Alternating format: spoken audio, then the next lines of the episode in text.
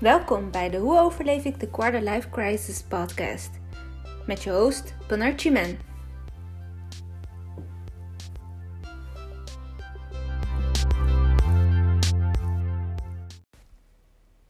Hallo Jis, superleuk dat je naar de tweede aflevering van mijn podcast luistert. Ik hoop dat je de eerste aflevering interessant vond en benieuwd bent naar wat de Quarter Life Crisis nou precies inhoudt. In deze aflevering ga ik het over de symptomen hebben. Want hoe voel je je nou als je in een quarter life crisis zit? Hoe herken je het en hoe gedraag je je in die crisis? Wat zijn de symptomen van de quarter life crisis? Deze symptomen zijn gebaseerd op wetenschappelijk onderzoek die ik heb gelezen en gevonden. En ook op uh, mijn eigen ervaringen die ik ook heb ervaren. Trouwens, ik kijk laatst de serie Parks and Recreations. Het is echt een super grappige serie trouwens. Moet je echt kijken, is echt een aanrader. En daar heb je dus een personage en die heet April. En zij zit ook in een, uh, in een quarter life crisis in een van de laatste seizoenen. En daar uh, werd gesproken over The Return of Saturn. En ik ben zeg maar zo'n astrologie girl die um, in de eigenschappen van sterren wilde gelooft. Het is best wel tegenstrijdig, want ik ben eigenlijk een heel rationeel persoon. Maar ja, I can't help to blame things on my zodiac sign. You know, sorry I cried, I'm a cancer.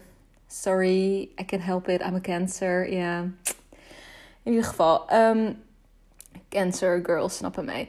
Um, we hadden het over Return of Saturn. Um, dit begrip betekent dus dat op de dag dat je geboren bent, de planeet Saturnus op een bepaalde plek staat in het heelal. En dat op bepaalde momenten in je leven Saturnus weer op die exacte plek staat van wanneer je was geboren. En, en die momenten zijn zeg maar crucial life-changing moments in je leven. Bijvoorbeeld uh, de eerste keer dat Saturnus weer op die exacte plek komt als je geboortedag, is rond je 28ste, 29ste, 30ste. Um, dan bereik je dus officieel je volwassenheid. Het is wel grappig dus dat, dat rond die tijd ook de quarter life crisis een beetje erin geschiet. Dus uh, ja, blame it on the Saturnus uh, returning. Maar gelukkig is de tweede keer dat hij weer returned pas rond je 55ste, 60ste. Dus um, als je de eerste return hebt overleefd, dan hoef je nog zeg maar 30 jaar geen zorgen te maken over dat uh, Saturnus weer aan het returnen is. Um, maar ja, dan kom je dus waarschijnlijk weer in je midlife crisis. Dus ja, in ieder geval, um, ik als een gekkie had dus op een astrologie site opgezocht van... nou, wanneer gaat mijn eerste Saturn returnen dan? En dat is dus rond mijn 28ste. En dat is dus over een paar maanden. Dat is in juni. Dus uh, ik heb nog even tijd voordat ik van een Pichu uh, evalueer naar een Pikachu. Dus um, ja, can't wait. In ieder geval, we zouden het over de symptomen van de quarter life crisis hebben. Uh, het eerst opvallende symptoom is um, dat je het gevoel hebt dat je in een put of gat zit. Dit gevoel is eigenlijk ook de aanleiding waarom je ook daadwerkelijk voelt dat er iets aan de hand is en dat je er iets aan wil gaan doen. Dit is letterlijk je dieptepunt. Want alle andere symptomen voel je eerder ook eigenlijk aan, maar je maakt waarschijnlijk niet een link naar een crisis of je negeert het of je denkt, ja, dit is normal.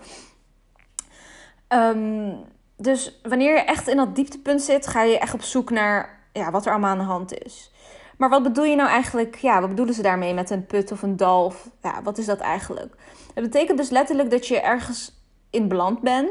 Um, je wordt wakker eigenlijk, laten we zo denken. En je hebt geen idee hoe je uit die put moet komen. Stel je voor dat je gewoon in, in een graf zit gewoon. En je komt er gewoon niet uit. Er is geen ladder, geen touw, uh, geen klimapparatuur om jezelf eruit te redden. Besef even hoe benauwend dat is. Weer even een film uh, anekdote. Ik keek dus de laatste film Kill Bill voor de eerste keer. Echt een hele rare film, in ieder geval. En daar wordt de hoofdpersoon levend begraven. Like the anxiety, oh my god, die ik voelde, was echt abnormaal. Ik moet echt stoppen met dat soort films kijken trouwens. Maar ja, je begrijpt het idee. Het is gewoon stressvol dat je gewoon vast zit in een graf. Dus ja, dat is gewoon je eerste symptoom. dit, dit symptoom houdt uh, verband met een ander symptoom van de quarter life crisis. En dat is het gevoel dat je ja, vast zit. Ehm, want als je in een put of een dal of een gat of een graf ligt, ja, dan zit je aardig vast. Je kunt nergens naartoe, je kunt niet weg. Ja, tenzij je net als die chick van Kill Bill een gekke kung fu master bent en jezelf eruit stoot. Maar ehm, ja, ik moet echt stoppen met films in ieder geval. Ehm, je voelt je vast in een situatie waarin je dus momenteel bevindt. dit kan bijvoorbeeld letterlijk zijn in een huis of een omgeving, een stad, een land waar je bent, waar je niet meer wil zijn. Maar het kan ook een baan zijn, een studie, een relatie waar je het gevoel hebt dat je niet meer weg kunt of ja, niet kunt verlaten. En de reden waarom dit niet durft, ja, je bent bang voor de consequenties. Um, als je weg zou gaan, dan heeft dat consequenties. Als je zou stoppen met je opleiding, heeft dat consequenties. Heeft financiële consequenties. Heeft andere soorten consequenties. Als je stopt met je baan, heb je ook consequenties. Um, het is risicovol, want ja, je moet je, je, moet je bills payen, girl. Um, verhuizen kan, maar het is ook risicovol. Cost a hell lot of money. Um, ja, je gaat nu al zes jaar met die jongen. En ja, als je hem nu verlaat, dan zijn al die jaren voor niks geweest. Dan denk je, ja, dan blijf ik maar, forever. Maar je bent niet echt gelukkig meer. Dus ja, dat zijn allemaal problems. Ik heb zelf ook dat gevoel gehad, vooral met mijn baan. Um, in mijn geval kon ik er ook letterlijk niet uit, omdat ik vast zat aan een contract met een boetebeding. Dus ik was, ik was gewoon Tupac bij Death Row, die niet zomaar weg kon. Um, omdat Shook Knight, ja, hem gewoon had gekocht, letterlijk. Ja, nee, ik ben echt raar met mijn metaforen vandaag. In ieder geval, ja. Dus ik heb dat gevoel ook heel gehad met mijn baan toen ik Tupac was. Bij Death Row. Het derde symptoom is FOMO. Niet homo, maar FOMO. ah, ga stuk. Um, dit is dus fear of missing out. Fear of missing out. FOMO is echt, echt real. Dit betekent dus gewoon letterlijk dat je bang bent om uh, iets mis te lopen of achter te lopen of um, ja, dat je iets niet gaat doen of zo. Fear of missing out. En um, je gaat ook zeg maar allemaal dingen doen die je eigenlijk niet wilt doen. Maar je denkt, ja, als ik dit niet ga doen, ga ik spijt krijgen. Dus eigenlijk ben je gewoon bang als je iets niet doet, dat je dus dan later spijt gaat krijgen. Maar je weet niet eens hoe je gaat voelen daarin. Of je weet niet eens hoe het uiteindelijk gaat ontwikkelen. Het is, het is raar. Het is echt een rare angst. Maar ja, mensen hebben het. Uh, dit is bijvoorbeeld heel sterk onder beleggers. Zoals crypto's. Moet ik nou in de bitcoin gaan? Uh, what about Ethereum, XRP? Stress. Dit is echt dit stress. Maar het is niet alleen in crypto of stocks. Niet alleen dat soort nerds hebben er last van. Maar ook dus je average uh, twintiger. Je ziet op Instagram dat je vrienden op vakantie zijn. En jij wilt dit ook. Ja, logisch. Wie wilt nou niet op vakantie? Maar het ding aan FOMO is dat je dus iets gaat doen wat je eigenlijk letterlijk helemaal nooit zou doen. Bijvoorbeeld, ik heb altijd een sterke mening gehad over Dubai. Het is gemaakt, het is van beton. Ehm, je kunt er niet zoveel dan alleen zwemmen en shoppen, denk ik. Het is, ja, of je kan door een woestijn cruisen, denk ik.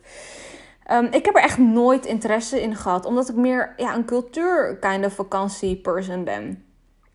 Ik, ik ben echt een geschiedenis hardcore nerd fan en ik wil altijd zeg maar antieke oudheidachtige dingen zien op vakantie. En ik vind het mijn geld gewoon niet waard om naar Dubai te gaan. Waar alles gewoon echt een paar jaar geleden gemaakt is. Maar ik zag echt letterlijk iedereen, iedereen, iedereen en zijn moeder naar Dubai gaan. En toen stresste ik echt uit. Want ik dacht echt van, ik moet echt naar Dubai gaan, want daar is gewoon iets. En mijn man keek me echt aan van, fuck met jou, je wilt nooit naar dat soort plekken. Like, girl, wat is jouw probleem? En ja, de real Panar, Pichu, dus ik ben Pichu zou nooit naar Dubai willen gaan. En zou meer een soort van cultuursnuif vakantieplekje willen zien. Ehm, maar door al die Insta-posts van iedereen, ja, werd ik echt een beetje gek. Want ik dacht, wat is het nou dat, wat ik misloop? Omdat ik daar nog nooit ben geweest. Ik moet er blijkbaar naartoe gaan, aangezien heel de wereld daar is. Maar ja, gelukkig ben ik van dat gevoel af. Ik ga niet naar Dubai, never. Uh, niet, misschien niet never, maar niet als eerste. Ik ga echt liever naar Egypte of zo. Naar de piramides dan naar Dubai. Ik ga zelfs liever naar. Ik ga liever naar Saudi-Arabië. dan dat ik naar Dubai ga. Nee, niet naar Saudi-Arabië. Ik zou liever naar Oman gaan dan naar Dubai. Maar dus dit gevoel, dit FOMO-gevoel dat je dus niet alleen met uh, je vakanties of wat dan ook, maar ook met spullen die andere mensen ook hebben. Een tas, auto, schoenen, jas, huis. Ja, je wilt gewoon alles wat anderen ook hebben. Want je denkt, ja, uh, ik loop iets mis, hè? ik moet dat ook hebben. Ik moet ook die Chanel bag hebben. Ik moet ook die uh, Balenciaga schoenen, die ik zo lelijk vind. Ik zou echt niet hoe mensen met die gade schoenen kunnen lopen. Of, oh, weet je welke ik echt haat? Echt, ik snap de hype echt niet. Yeezys. Zo lelijke schoenen. Zo lelijk. Waarom draag je Yeezys? Echt zo'n hype. Daar, heb ik nooit, daar ben ik nooit voor gevallen. En Jordans vind ik ook niet mooi. Oké, ik hou mijn mond nu wel. Het symptoom van FOMO um, houdt verband samen met een ander symptoom. En dat is dat je jezelf gaat vergelijken met anderen. Je kijkt naar anderen en naar je eigen leven en je denkt: waarom heb ik dat niet? Waarom doe ik dat niet? En daarnaast ga je andermans succes laten leiden als jouw maatstaf voor jouw succes. Uh, dus bijvoorbeeld als jouw vriend of vriendin een masterdiploma heeft gehaald, denk je dat jij dat ook moet gaan halen. Maar um, terwijl je misschien een heel ander soort opleidingsachtergrond hebt, of heel ander soort talent hebt, of heel ander soort niveau hebt, zeg maar, dan vergeleken met jouw Mattie. Ja, en dit, dit blijft constant doorgaan, omdat je steeds met meer mensen blijft vergelijken. Of, of, of, of steeds, omdat andere mensen weer verder dingen bereiken, dat je denkt, oh, ik moet steeds doorgaan. Keeping up, keeping up, keeping up. En hierdoor krijg je het gevoel dat je eigenlijk um, ja, nooit genoeg hebt gedaan of niet genoeg hebt gedaan en gewoon niet goed genoeg bent. Je moet constant blijven presteren en je doelen halen. En, en, en omdat anderen om je heen dit ook constant doen en constant laten zien aan je via Instagram. Het is gewoon een vicieuze cirkel. Je blijft doorgaan, doorgaan. Als een hamstertje blijf je gewoon iedere keer um, willen presteren. En um, al heb je je hoogste doel voor jezelf gehaald, dus je hebt die masterdiploma gehaald of je hebt die PhD gehaald, toch is het niet genoeg omdat een ander weer iets beter heeft gedaan. En, en ja, je moet ook iedere keer zoeken naar een doel of zo, een andere mijlpaal. Je moet constant doelen halen in, in deze, gekke, deze gekke life. Maar wat ook dan ja, meespeelt als symptoom is dat je helemaal niet weet wat je wilt. Je weet niet wat je doel in het leven is en welke kant je op wil gaan en wat je volgende stap is. Het lijkt alsof anderen om je heen dit wel allemaal weten en doorhebben wat hun passie is, hun doel, hun talent in het leven. En dat jij helemaal last bent in wat je nou wil gaan doen. Je gaat ook twijfelen aan je keuzes en de richtingen waarop je gaat. Is het wel de juiste keuze? Mis ik niet een andere kans? Um, is het wel de juiste persoon voor mij? Is het wel de juiste opleiding voor mij als ik dit ga doen? Um, mis ik dan niet een andere trein of wat dan ook? Dus ja, zoveel onzekerheid, zoveel problems, zoveel. Ja, al deze symptomen geven je stress. Stress is benauwend en het geeft een angstig gevoel. Um, is dit het leven? Wat zit er nog meer in? Het voelt gewoon alsof je dit nooit gaat weten en er nooit uit gaat komen. Um, de toekomst is onbekend, het is eng. Je weet niet wat er gaat gebeuren. Um, vooral niet, je weet niet wat er gaat gebeuren als je op deze manier doorgaat. Je kan ook iets anders gaan doen. Je wilt verandering, maar je weet dus niet hoe je dat moet doen of waar je moet beginnen of wat je moet aanpakken. Je weet niet wat je moet veranderen. En deze stress is vermoeiend, waardoor je gewoon uitgeput raakt. Je hebt geen zin meer in dagelijkse werkzaamheden of activiteiten, want je weet niet wat het nut ervan is. Je ziet geen perspectief in je baan, um, bijvoorbeeld. En daardoor daalt je motivatie, waardoor je minder zin hebt om je best te doen. Um, en het lijkt alsof anderen je niet steunen en begrijpen, vooral je ouders. En je ouders denken van, ja, hoezo, ga gewoon werken. Je kunt gewoon werken, maar waar? En wat moet ik doen? Dat is voornamelijk ook gewoon een generatiekloofje en gewoon een ding wat ik ook heb meegemaakt. Maar ik had gewoon echt geen motivatie meer in mijn werk. Ik dacht echt, dag, ik ga niet eens meer mijn best doen. Ik heb minimaal ingezet. En het grappige is dat als je, dat toen ik minimum mijn best deed, dat ze me ook gewoon goed vonden. Dus ik dacht echt, nou oké, wacht maar tot ik maximum in ga zetten. maar ik heb dus wel heel erg gehad. Het is gewoon heel erg demotiverend als je gewoon niet weet wat je wil doen. En ja, je loopt een beetje de kantjes af of zo. Is dat, is dat een spreekwoord? Ik weet het niet. Ehm, ja. Een ander symptoom is dat je het liefst wegvlucht van de situatie waarin je in bevindt. Het liefst ren je weg van je problemen en gevoelens. Je wilt gewoon de handdoek in de ring gooien en alles afsluiten, afbreken, weggooien. Het vliegtuig pakken naar een ander land en helemaal opnieuw beginnen. Ergens naar Tibet gaan en naar de Himalaya's en mediteren en een nieuw leven opbouwen. Dat was echt mijn, dat was mijn escape plan trouwens. dat was ook naar aanleiding van een film. Ik kijk echt te veel films. Maar um, wie zegt dat je daar thuis gaat voelen? En wie zegt dat je dan dat je daar niet die gevoelens gaat voelen? En, en wie zegt dat je niet. Dat je, je loopt alleen maar weg van je problemen, maar dat lost je problemen niet op. Dus ja, ik ga dat niet doen, mensen. Ik ben ook niet zo rijk dat ik even daar naartoe kan gaan. En ja, lijkt me wel saai. Lijkt me wel heel mooi, maar saai. En uh, tot slot, het laatste symptoom dat ik ga noemen is dat je um, met een nostalgische blik uh, terugkijkt naar je verleden. Je verlangt terug naar de tijd dat je een kind was, dat je een puber was, dat je nog op de middelbare school zat, dat je nog thuis woonde, zorgeloos was. je enige probleem was toen dat je dat je op MSN ging en, en dat je beste mat die terug ging praten tegen je. Of dat je op Hives ging of PP2G. Dat was je enige probleem, toch? En ik, oh, ik, ik verlang ook, ik, ik had ook echt die gevoelens. Ik dacht van, oh, het was zoveel beter toen ik thuis woonde en niet deze domme banen had. En het was zoveel beter toen ik, toen ik nog um, op de middelbare school zat en gewoon geen stress had. En oh, of toen ik studeerde was het leven zoveel beter. Lekker zorgeloos naar colleges gaan, niet naar colleges gaan. Chill. Maar toen dacht ik, nee, als je even realistisch terugkijkt naar je verleden. Het leven van de tiener is echt geen vissa. Ik wil echt niet meer terug naar die tijd van toen ik een tiener was. Vooral eindexamen. Oh my god, dat was echt drama. Ik ga liever 100 scripties schrijven dan dat ik nog eindexamen moet doen. Geloof me, scriptie is echt een feestje vergeleken met fucking eindexamen.